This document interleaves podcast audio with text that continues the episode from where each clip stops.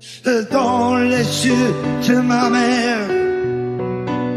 Il y a toujours un murmure. Ik ben Evie Hansen en in deze podcast ga ik in gesprek met mijn mama Arlette. Waar ga ik nu vechten eh, tegen kanker als ik er toch van moet sterven? Mama is 75 en heeft niet lang meer te leven. Goedemorgen, ik ben Annelies van het Nieuwsblad. Aangenaam. Wat een mooie zucht hebben Wauw. Ja, dat is nog wel lief. Samen met journaliste Annelies Rutte praten we aan de keukentafel over ziek zijn, doodgaan, maar vooral over het leven.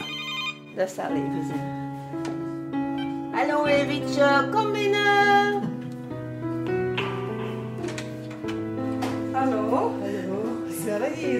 Dit is de afscheidstournee van mijn moeder.